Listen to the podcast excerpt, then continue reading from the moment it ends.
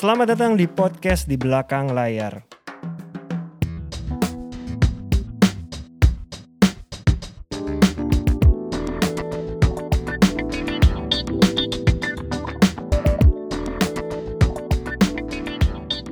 Halo teman-teman pendengar podcast di belakang layar dan juga sekarang bisa nonton juga di YouTube karena kita sudah kembali ada bintang tamu. Hari ini kita di episode ke-81 Mas Ulung. Yes, tempat 81 benar. Kita sekarang bergeser. Kemarin di episode 80 udah mulai ada manajer artis lagi. Ngerangkap MC. Merangkap MC. Iya.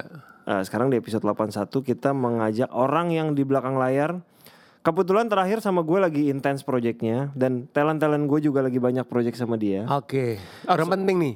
Seorang DOP Sangat amat papan penting. atas di film perfilman Indonesia sekarang lagi penting banget. Selamat datang buat Bang Ucok atau Bang Padri Nadeak. Selamat datang Bang Horas Bang. Oh ras, oh, ras, makasih udah diundang. Hormas ya. Hormas kita, ya. Kita berdua Iya, lagi bener, kompak ya lagi pakai baju Iya loh. ini berdua. Udah di ini disorot belum nih Hormas kita nih? Udah ya. Oke. Jadi eh, gue sama Bang Ucok tuh terakhir di project ngeri-ngeri sedap. Sebenarnya waktu gue jadi produser. Tapi kalau gue pas nggak jadi produser, talent-talent gue yang lagi jalan ada Ghostwriter 2 Iya. eh, dan akan jalan beberapa talent gue juga sama Bang Ucok. Ya akan datang, proyeknya akan, datang. akan datang. Udah. Kalau lu udah nyaman, Mas, pasti akan project-project selanjutnya. Kenapa gue harus ganti? Iya. Gitu. Jadi loh. udah kebayang dong project Bang Ucok sampai tahun depan dong kalau kayak gitu. Amin, Itu insya sama, Allah. sama lu doang dong nih Iya, gitu maksud iya, gua sama lu iya, sama talent-talent lu loh betul, gitu betul, maksudnya betul. kan. Belum lagi yang lain-lain. Bang Ucok, biasa standar kalau di podcast kita, di talk show kita tuh awalnya kita ngobrol. Gimana sih lu bisa ke posisi sekarang eh, sebagai DOP? Apakah dari kecil mimpinya jadi DOP? Pokoknya gue udah gue udah pengen banget jadi eh, video yang berhubungan sama video atau jangan-jangan lu dulu pengennya di depan layar, siapa tahu gitu. iya, iya. Eh, Betul. Nanti kita juga cerita yang paling orang sekarang banyak lihat di sosial media dan berita adalah penurunan berat badan. Iya, itu. itu. kayaknya Itu perlu kita mau bahas. nanya nih. Itu perlu kita bahas juga. Harus. Sekarang Bang Ucok total kalau nggak salah ini dari hasil gue nggak tahu gue berapa kali browsing ketemunya ada yang 28 film, 29 ada yang 30 total berapa lu ngitung nggak lu sendiri mas? Kayaknya sih 33 film deh karena ada beberapa Film pendek atau enggak, enggak, enggak? yang enggak tayang sebenarnya ada Oh, beberapa. gitu. Ada, Oke. ada beberapa juga yang enggak masuk di filmindonesia.com gitu. Oke, tapi total udah 33 Iya, 33 film. Oke. Jadi journey-nya lu sampai memutuskan jadi DOP gimana dulu bang? Panjang ya sebenarnya. Gua tuh dari kecil sebenarnya nggak ada cita-cita untuk jadi DOP sih sebenarnya dan basic literasi keluarga juga nggak ada yang ke sana maksudnya standarnya- Berhubungan sama film juga nggak ada. Nggak ada, nggak ada. Standarnya Batak lah tau lah. Maksudnya bokap pengen gue jadi tentara, mak gue pengen gue jadi dokter gitu. Tapi Oke. eh, Ini NNS banget ya. iya iya Batak banget lah standar Batak. Tapi begitu gue dari SD diarahin ke sana sih kalau nggak ke Tentara, pendidikan, iya. tentara. Makanya dari kecil tuh diikutinnya, ikutin bela diri, Fisik-fisik ikutin ya. berenang, ya, kursus bahasa Inggris apa segala macam. Begitu SMA gue kenal dunia pendakian awalnya. Oke. Gua tertarik ada satu temen dia wartawan di suara, suara pembaruan. Kok motret asik ya? Gue pengen belajar, tapi kondisi keuangan keluarga gue waktu itu nggak mampu lah buat beliin gue kamera DSLR. Itu lu gede di mana bang? Di Jakarta gue Udah di Jakarta, ya. oke. Akhirnya gue minta sama dia ajarin gue dong. Lo mau ikut Hmm. belajar sama gue? Ya udah gue bilang. Tiap gue naik gunung lo ikut aja. Akhirnya gue ngikut dia lah. Oke. Tiap naik gunung sampai di puncak gue dikasih tuh motret tapi Hmm. cuma tiga frame. Lu bayangin aja tuh udah ngikutin seharian jalan cuma dikasih tiga frame tapi itu senang banget. Oke. Akhirnya bisa dari situ. Begitu gua pengen lulus SMA, gua kasih tahu ke nyokap sama bokap. Ada Hmm. kecewa lah Iya. dia sebenarnya karena nyokap gua pengen banget gue jadi dokter, bokap gue jadi tentara. Akhirnya Sebenarnya dua itu juga udah kontradiktif sih. Dokter sama tentara. Tentara ya. Iya, iya. Akhirnya dia bilang ya terserah lu lah, lu mau kayak gimana. Nah, lu urus aja sendiri pendaftarannya lu cari sendiri, iya, sekolahnya lu cari sendiri. Nah, gua pertama kali tuh daftar di ISIP dulu. Oke. ISIP, Lenteng Agung. Lenteng Agung. Karena cita-citanya yang gue tahu tentang bikin gambar tuh masih masih dunia Oke. wartawan gitu. Ini ngambil jurnalistik. Wah, gue ngambil lah jurnalistik, diterima di sana. Tapi se ketika gue lagi daftar itu, gue udah mulai tahu tuh ada informasi bahwa ada sekolah fotografi di IKJ. Iya. Tapi katanya susah banget masuknya. Ya udah gue daftar di ISIP, gue dapet. Pas gue dapet, disuruh daftar kan, tapi ada ujian di IKJ, gue ikut ujian di IKJ, Oke. tapi nggak ikut ospek jadinya di ISIP. Kalau ikut tahun depan, ternyata di IKJ gue diterima. Ujiannya ngapain bang? Ingat nggak? Apa? Ujiannya ngapain dulu?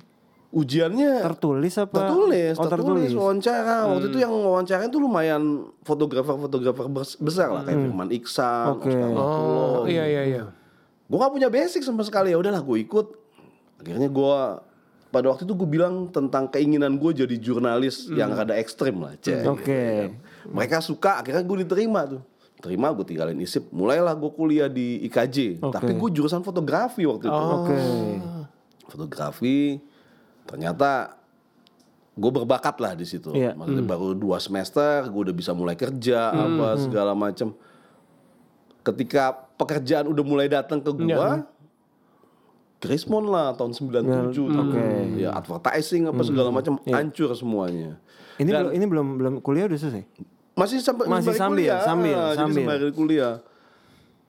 Semua yang udah gue pelajarin bubar semua tuh buat duit kuliah apa segala macam habis kan karena pekerjaan habis gitu loh. Dan ada satu di dunia fotografi yang pada waktu itu gue rada kurang setuju. Maksudnya fotografer dianggap profesional itu ketika dia punya studio dan punya peralatan gitu. Oke.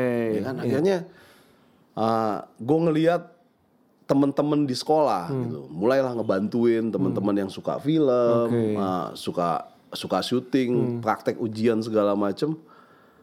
Ternyata gue tertarik sama dunia yang lebih maju lah hitungannya maju karena gambar bergerak kan. Iya. oh ini gue tertarik dan ternyata kayaknya asik nih. Udah mulai das- dari situ mulai tuh ngikut ke teman-teman yang pada uh, apa uh, bergerak di dunia film gitu loh. mulai bantuin di lampu mulai mulai nanya-nanya sama mereka. Jadi emang benar-benar Itu gua- tahun berapa bang?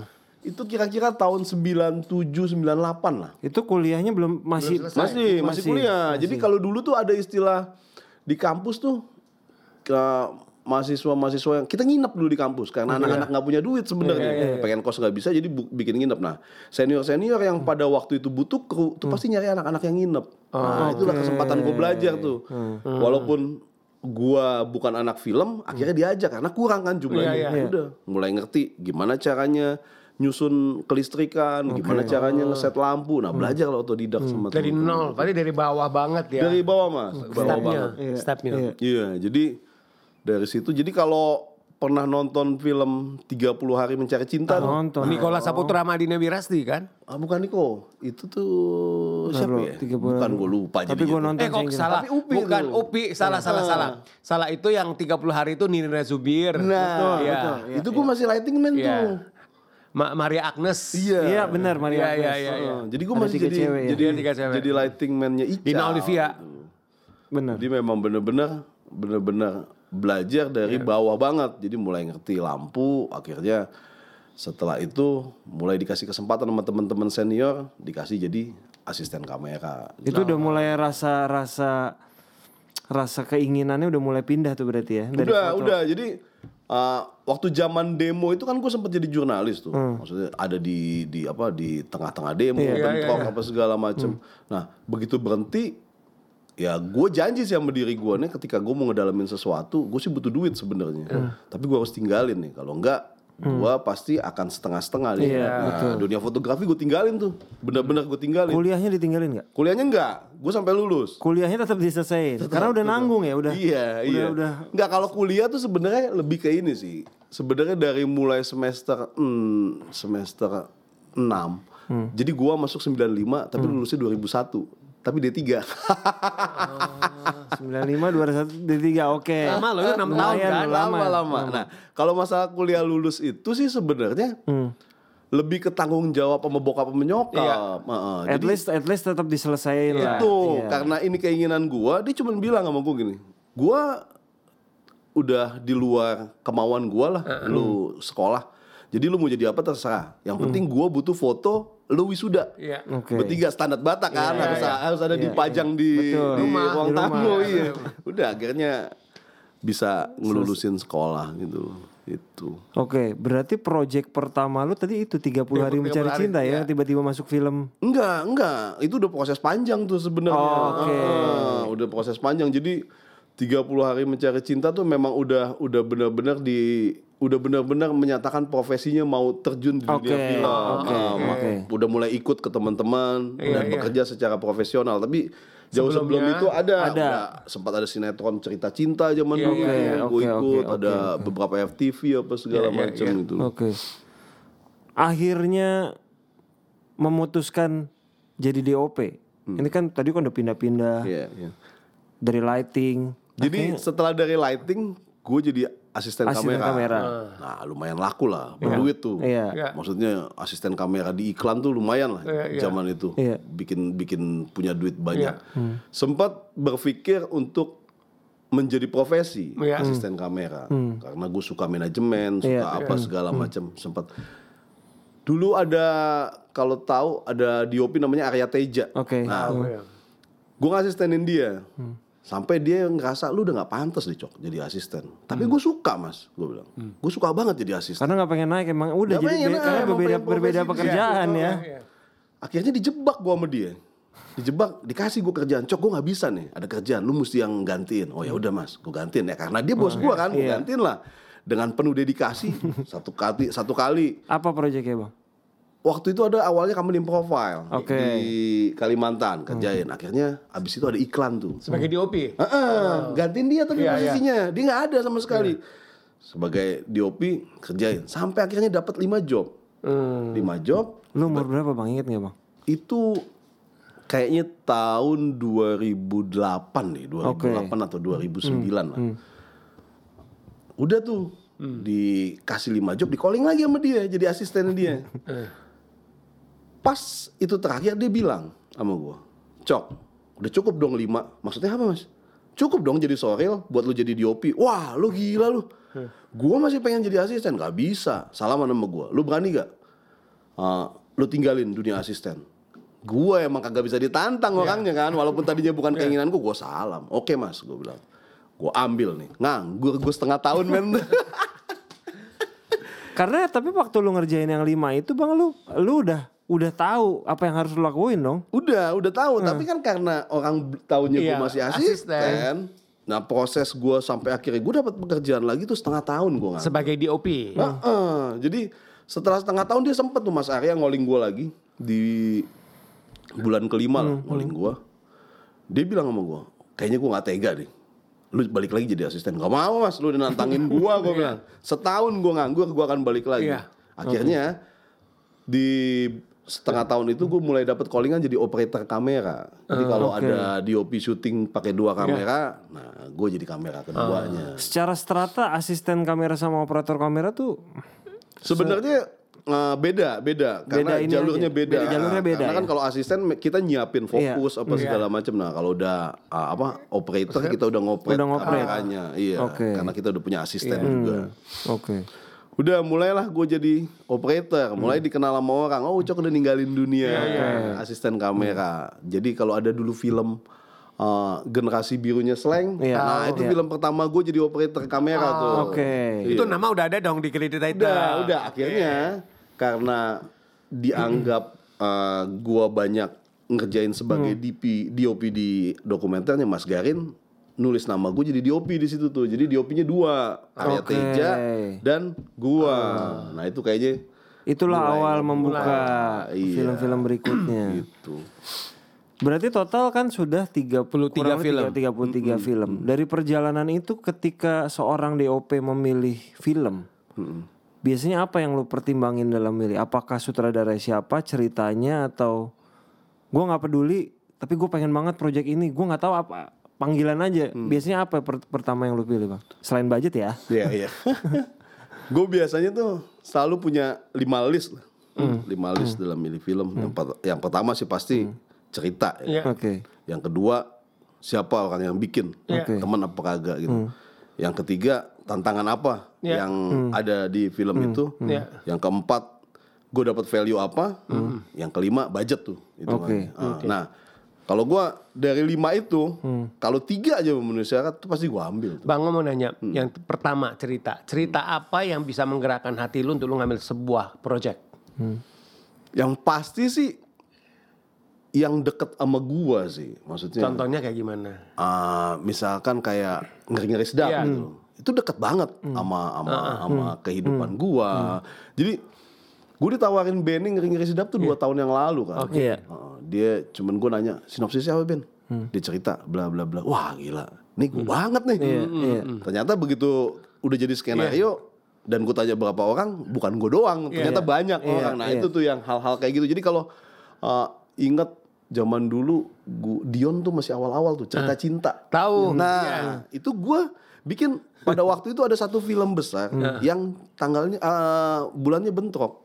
Oke. Dan gue disuruh milih, gue milih itu. Ah. Karena film itu ceritanya tuh sangat menarik buat gue gitu. Walaupun budgetnya nggak gede-gede banget gitu loh, tapi ada tantangan lah. Jadi begitu misalnya abang baca skrip nih sekali baca kalau memang kena di hati udah langsung oke gua Iya, Oh, iya, iya. gua ambil seperti Iya, itu. iya. Tapi kan ada empat pertimbangan Iya, lain juga. ini satu udah lol, ini ada tiga Iya, lagi, iya. ada empat lagi nih, Iya, kayak gitu. karena kan kayak gue yang gue bawa kan gerbongnya panjang nih. Iya, Ada betul. Asisten, kru Iya, segala iya, macam. iya, Jadi iya. mereka juga harus gue pertimbangin. Gitu. Kalau tadi lo pertimbangan cerita tapi baru ada sinopsis, biasanya itu masih masih nggak apa-apa buat lo berarti ya? Nggak apa-apa, nggak apa-apa. Karena kan udah kelihatan tuh kerangka dasarnya. Iya, sebenarnya. seperti apa. Oke. Gimana? heeh, heeh.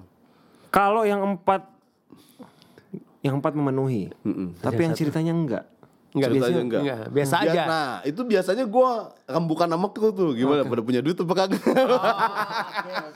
Iya kan itu masalahnya Gerbongnya panjang nih ya kan? Nah, Bang, kru yang ikut Abang itu kru yang tetap atau selalu ganti-ganti di, di setiap film?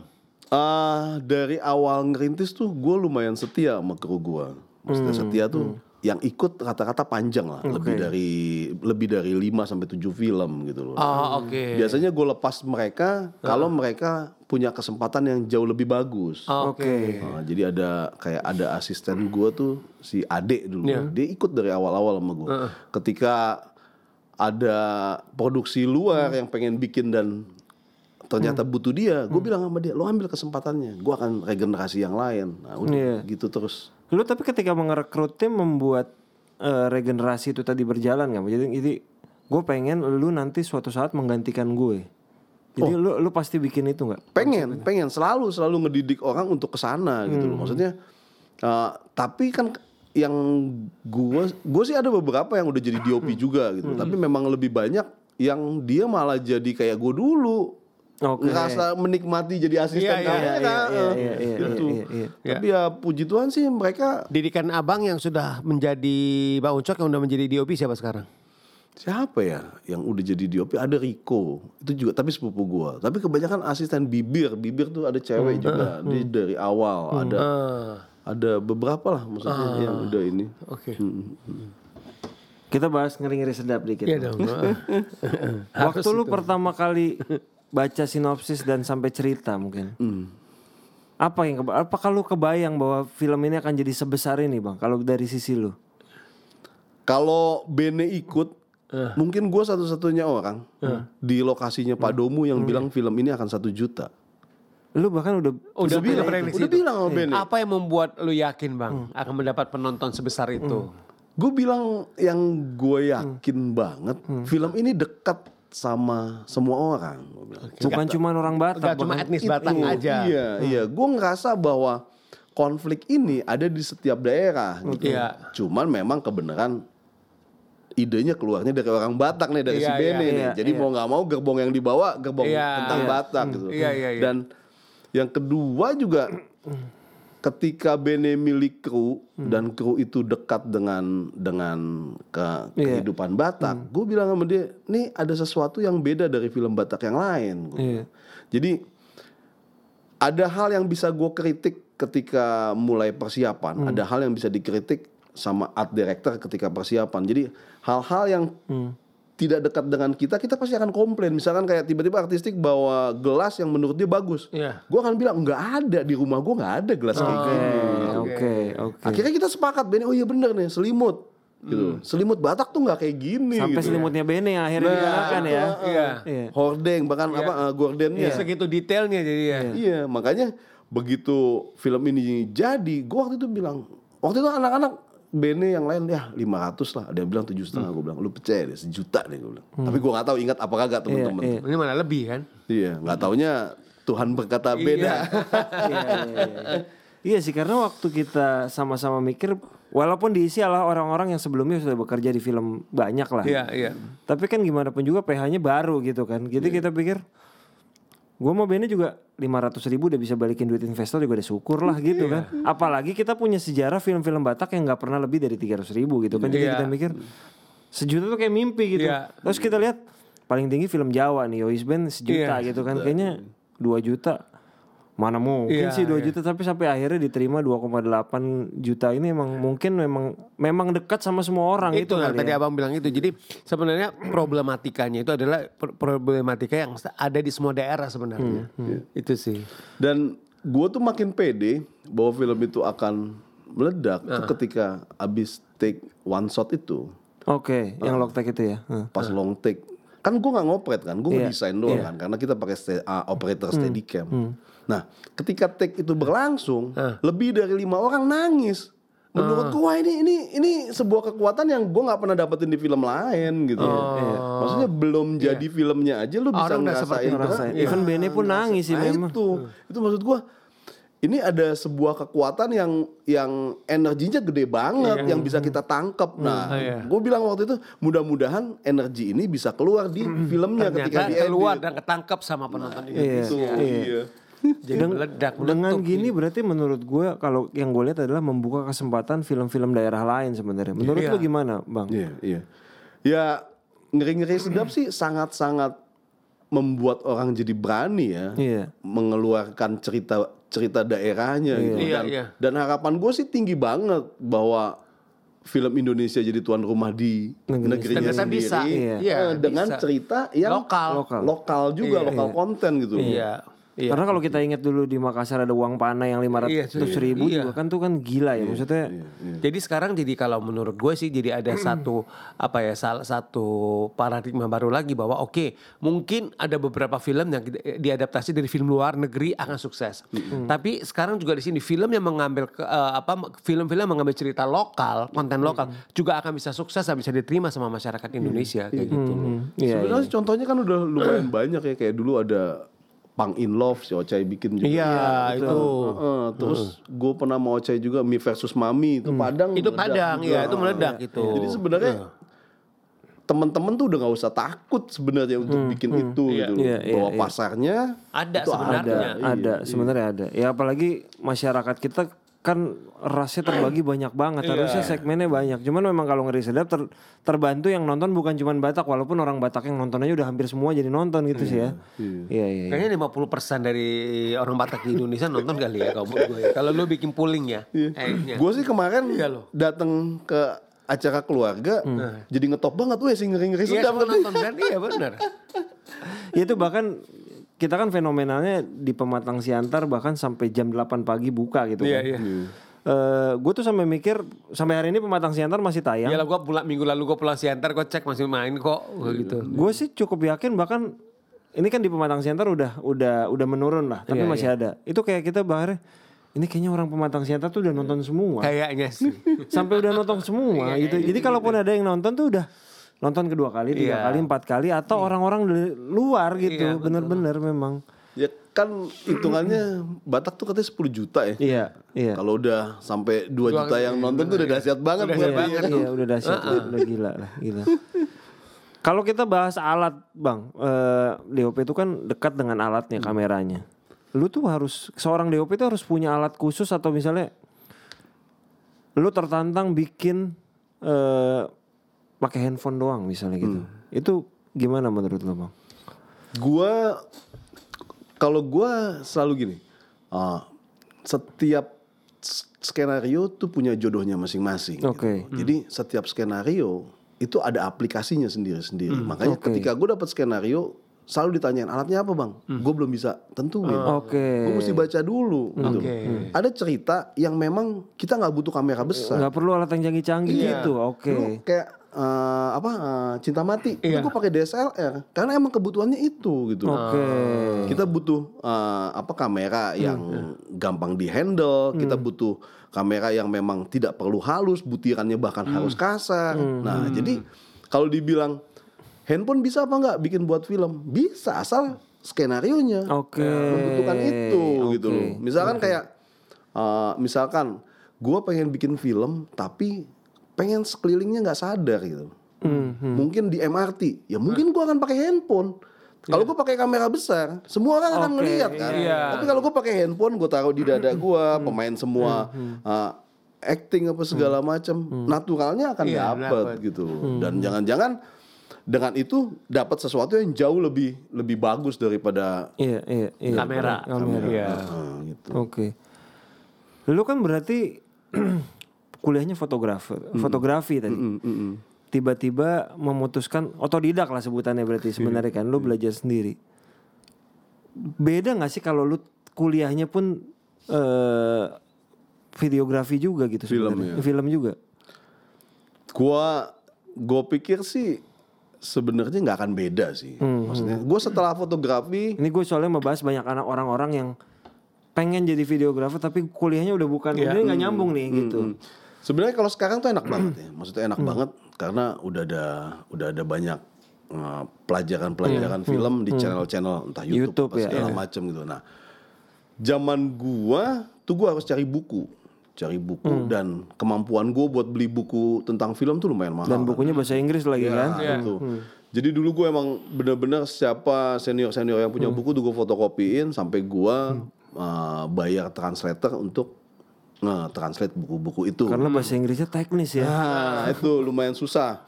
Nah, gue bilang kalau ada orang sekolah kemampuannya akan beda, gue pikir basic awalnya akan lebih bagus kalau kita dari sekolah yang yang yang ada di bidang itu gitu. Tapi kemampuan berkembang itu tidak jadi patokan. Tapi basic dasar dari literasi berpikir itu oke. gitu. Iya. Jadi gue begitu udah lima tahun gue sempet sekolah lagi tuh akhirnya Oh, gitu, ngambil oke. tes program di IKJ buat ngambil S1 tapi begitu filmnya udah jadi gue malah gak ikut ujian Oh. Filmnya ada roller coaster sama Edwin dulu. Akhirnya malah jadi buat keliling ke festival-festival gitu loh. Tapi keinginan buat sekolah lagi sih tetap ada, Ada, sih. Eh, oke. maksudnya setahun apa dua tahun ke depan pengen sekolah lagi. Jadi ambil S1-nya. iya ambil lanjutan lah. Jadi buat anak-anak muda yang nggak sempat kuliah videografi, misalnya dia pengen apa sebenarnya nggak? Basic yang mereka harus lakuin mau? basic dasar fotografi. Kalau emang dia senang sama kamera. Yang kedua mungkin basic dasar dari movement kamera. Nah, kalau mereka udah dapat kesempatan dari sana, maksudnya mereka berkembang di sana. Kalau memang mereka punya udah punya dana dan punya waktu, mereka lebih baik sekolah lagi sih supaya mereka juga tahu. Nambahin Iya, ya. iya itu sih. Jadi basic dasar berpikirnya ada panduannya gitu. hmm, oke. Iya. Kalau eh, Bang Ucok tuh ada nggak misalkan eh, biasanya kan kalau saya gua kalau misalnya gue lihat ya di di Hollywood juga ini kan ada atau di sini udah mulai adalah sutradara yang dia akan selalu bekerja sama dengan satu DOP. Karena udah dia nggak cocok seperti itu kan ada seperti itu karena kalau di kalau selama ini di karir abang sebagai seorang sebagai apa DOP itu paling sering bekerja sama dengan sutradara siapa? Gue tuh lebih dari satu film. gue tuh lumayan lumayan banyak tuh sutradara yang syuting sama gue lebih dari satu tuh misalnya kayak Ocai. Oke. Ocai itu ada lima apa enam film. Ada Fajar Nugros. Iya. Iya. juga Ah. juga sering. Siapa lagi ya? Nggak terlalu banyak sebenarnya sutradara gue Tapi itu mereka udah berapa ber- ber- beberapa kali bekerja sama dengan abang lagi. iya iya uh, cuman memang kalau sampai nggak kerja sama lagi biasanya masalah schedule Iya, atau apa lah iya, gitu. iya, iya, iya. tapi memang lebih enak kalau kita punya tandem sutradara. Karena kan hal yang paling sulit dari film tuh kan sebenarnya ada dua pemikiran Iya. yang satu pemikiran tulisan yang satu Iya. pemikiran visual Visualnya, Nah, nah. nah tugas gua tuh mentranslate bahasa visual kan Iya, itu. itu yang kadang-kadang ketika kita ketemu director baru Iya. bahasa itu belum tentu bisa sama gitu loh Iya. nah itu yang yang yang memang kenapa di luar atau di Indonesia banyak orang yang tandem itu itu aja. Iya, gitu. iya benar. Iya. Itu sih. Kalau tuh bahas sutradara baru, ketika ketemu Dennis gimana pun Bene hitungannya sutradara, Sutradara baru baru. lah, baru satu film. Iya. Iya. Terlepas dari ceritanya yang masuk di lu, gim- waktu itu gimana lu ngelihat sutradara baru? Masalah gak sih buat lu? Dengan jam terbang abang udah jam segitu terbang ya, baru, segitu terlepas, tinggi. Kita nggak usah bahas angka penonton Iya, lah. iya, iya. Tapi gimana pun juga kadang-kadang kan jangan-jangan beginner's luck nih. Iya. Gitu. Gue lumayan sering tuh sebenarnya dapat kesempatan kerja sama sutradara baru. Termasuk sutradara Gina baru. ya? Gina, itu baru, Panji. Oh, partikulir ya. Iya, iya. Heeh. Jadi gue selalu menempatkan DOP itu sebagai konsultan visual. Oke. Oke. Jadi siapa pun direkturnya, gue konsultan. gitu. Kenapa gue bilang begitu? Karena ujungnya film by nama sutradara, bukan Iya. nama gue. Jadi Iya. ketika gue dipanggil pertama kali, gue pasti minta waktu sama dia untuk, ayo, apa yang ada di pikiran lu, apa yang ada di pikiran gue, kita Iya. jadiin satu. Nah makanya waktu ngeri-ngeri sedap pun. Topik sampai bilang tuh, ini perlu nih cok, lu bikin blocking shot. Oh gue butuh, gue bilang.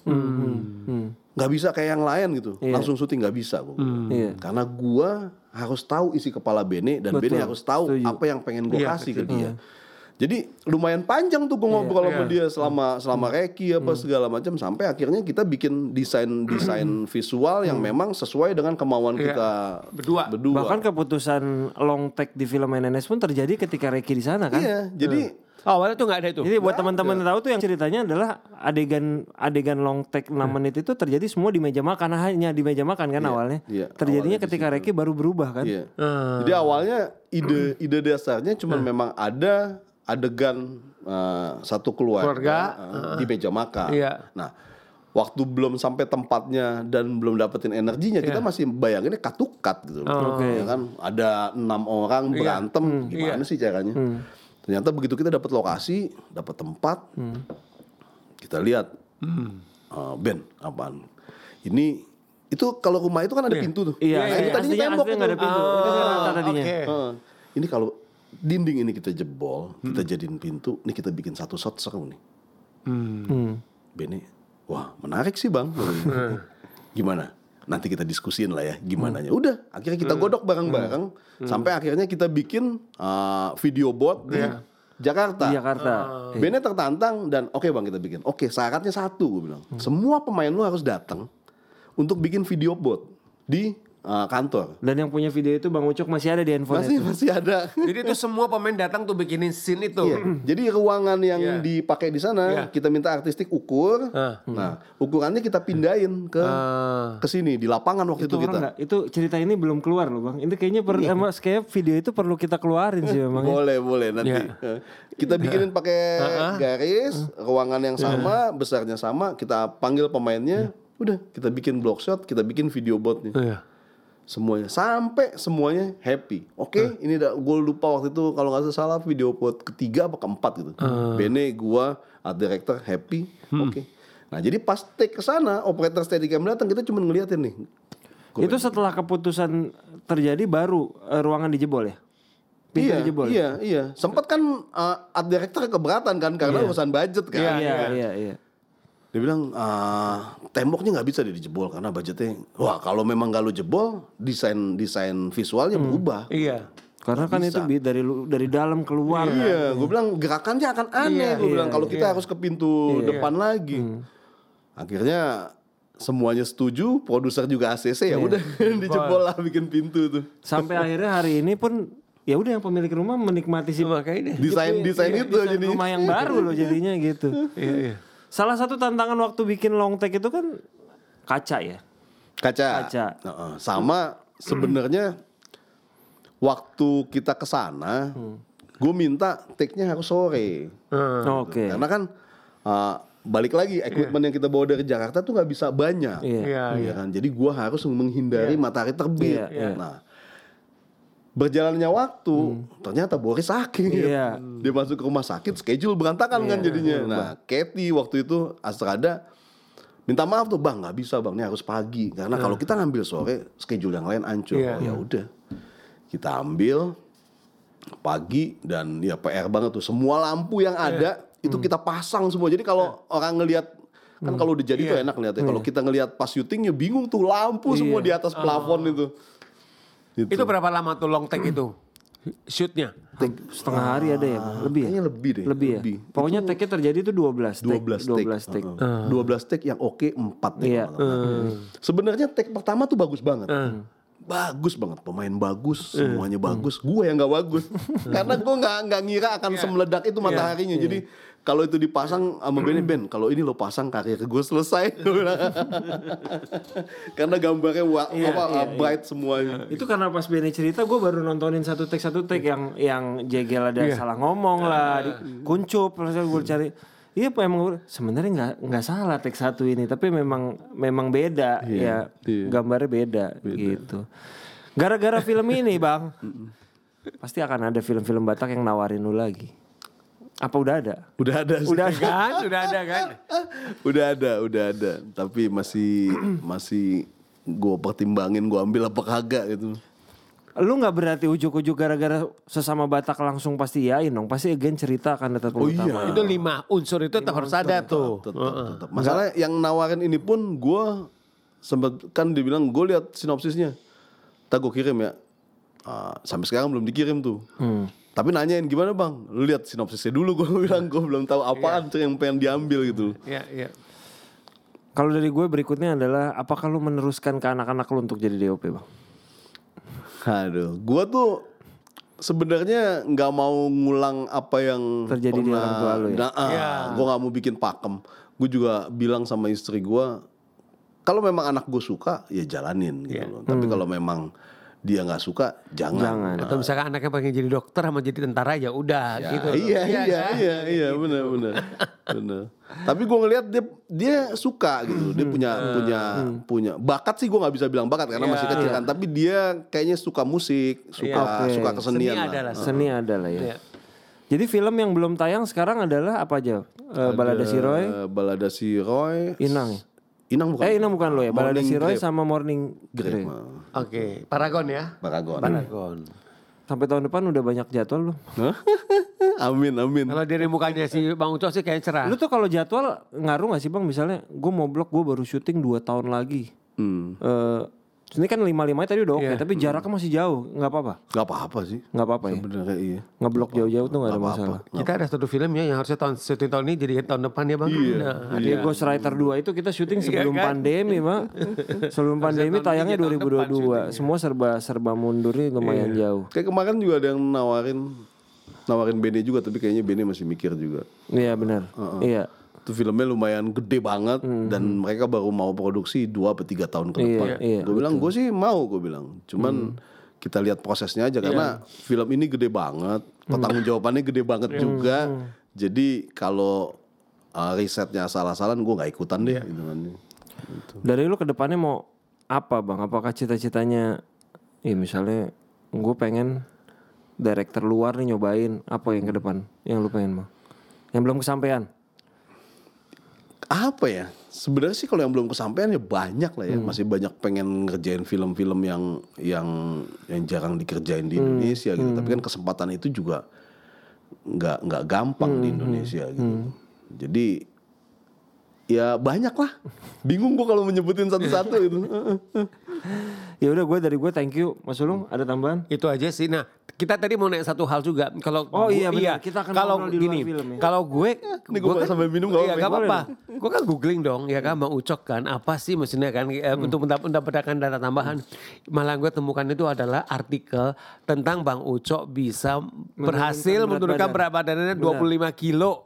Bener, bener. Iya loh, gue ketawa loh. Gue ketawa loh. ya. Bang oh, Ucok ini itu ikut artikelnya muncul itu. program eating reorder. Iya. Turun berapa? 25 kilo ya? 20 ya 25 23 lah 23. Itu prosesnya berapa lama Bang? Nih komunitasnya sebenarnya lagi jalan dan banyak orang film yang ikut. Iya, tuh. iya. Nah, jadi gua kenal komunitas ini dari Alin sama Wawan sebenarnya. Ah, Alin Jusria. Iya. Ah, oke. Jadi pada waktu itu berat gua 96 kilo, ya kan. Nah, uh, gue sih nggak ada sakit, nggak ada apa, tapi memang udah mulai risih karena Iya. kerja rada susah gitu loh. Nah, gua milih buat main sepeda Iya. waktu itu. Gue pikir dengan sepedahan gue bisa Instan ya. Ah, bisa turun. Ternyata setelah tiga bulan ketemu Alin, guanya kagak berubah, si Alinnya mengecil Mengecil. Wawan. Akhirnya gue ikut lah program itu namanya Eating, Re- Eating Reorder. Nah, Jelasin dikit dong mas sekalian program. Di eating reorder itu jadi ada komunitas yang mengajarkan merubah pola pola makan, Makan, sebenarnya. Ah, ah. Nah itu gua pertama kali ikut program itu itu jalan pas pengen jalan ngeri-ngeri sedap. Iya. Jadi kebayang kan gua harus merubah pola makan di mana datang ke satu daerah yang makanannya makanan gua mas. Itu susah nggak? Susah nggak itu awalnya? lumayan Oh, susah, catering lumayan khusus, susah. mas. Jadi pas di Ah, gua dia dimasak khusus buat dia sama Tika tuh khusus. Iya jadi untungnya teman-teman di NNS itu support banget. Jadi gue bilang nih gue nggak bisa nih uh, makanan yang ini disediain sama mereka. Jadi mereka tuh siapin gue tiap hari ikan bakar, uh, labu, labu rebusan sesuai dengan menu gue lah. Tapi nggak cranky ya, maksudnya nggak kan ada yang itu bisa cranky, ini enggak ya? Enggak, Jadi enggak, enggak. Jadi tetap aja Tetap moodnya apa nggak masalah nggak ada ininya. Iya. Oh, oh. Jadi apa sih uh, eating eating order yang yang apa yang boleh dan nggak boleh? Iya. Sekarang selama di proses awal itu. Yang nggak boleh sih pasti gorengan. Gorengan nggak Apa pun boleh yang digoreng. Uh-uh. Oke. Jadi memang kita lebih banyak makan rebusan atau bakaran. Bakar boleh. Heeh, itu, Oke. gitu. Dan itu lumayan sih gua dari situ hampir tiga bulan lah tiga bulan. Langsung 23 kilo. Iya, iya. Itu dahsyat. Tapi setelah tiga bulan sekarang boleh nggak makan gorengan lagi? Gue sih udah ah, goreng. Jadi gini, kalau cuman sekedar pengen ya silakan. Tapi pelanggarannya besok mesti lo tebus. Tinggal itu aja oke. ya kan. Karena di gua polanya udah udah ada di Oh, kepala. jadi nih. hari ini makan gorengan, habis itu besok segala macam juga boleh kan? Nah iya iya. Lu balas. Jadi kalau habis minus plusnya lebih banyak ya. Iya iya. Dan nggak perlu minum obat apa segala macam. Enggak enggak kan? enggak enggak ada obat sama sekali enggak ada obat. Konsep aja pola ya. waktu pas syuting tuh Astrada tuh si Katy banyak Hmm. ketipu sama gua. Jadi dia ngorder gua tapi gua sembari jalan gitu keliling-keliling. Hmm. Jadi dia ngorder eh, sembari keliling dia nanya, Hmm. "Lu ngapain sih, Bang?" Ini gua lagi jalan kaki sebenarnya lagi jogging di set gitu. Oh, oke.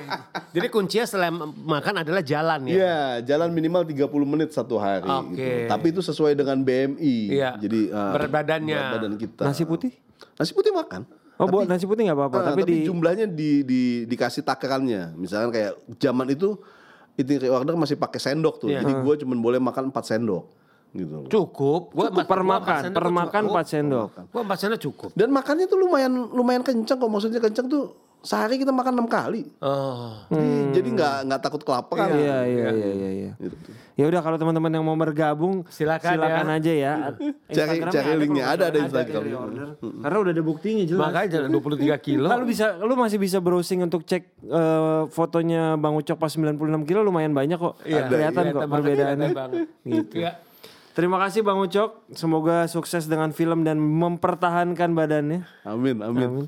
Kita ketemu lagi di project selanjutnya. Abang terima kasih mau lihat teh. Ya mau latih godang. Sehat-sehat. Terima kasih eh, buat Dita, produser kita. Terima kasih buat Jamal. Thank you Dita Di Jamal. kamera terima kasih buat eh, Eka dan Eka Fuad dan Fuad. dan terima kasih yang udah nonton dan mendengarkan. Kita ketemu lagi di episode, Episode ke ke-82 ya. Terima kasih. Terima kasih.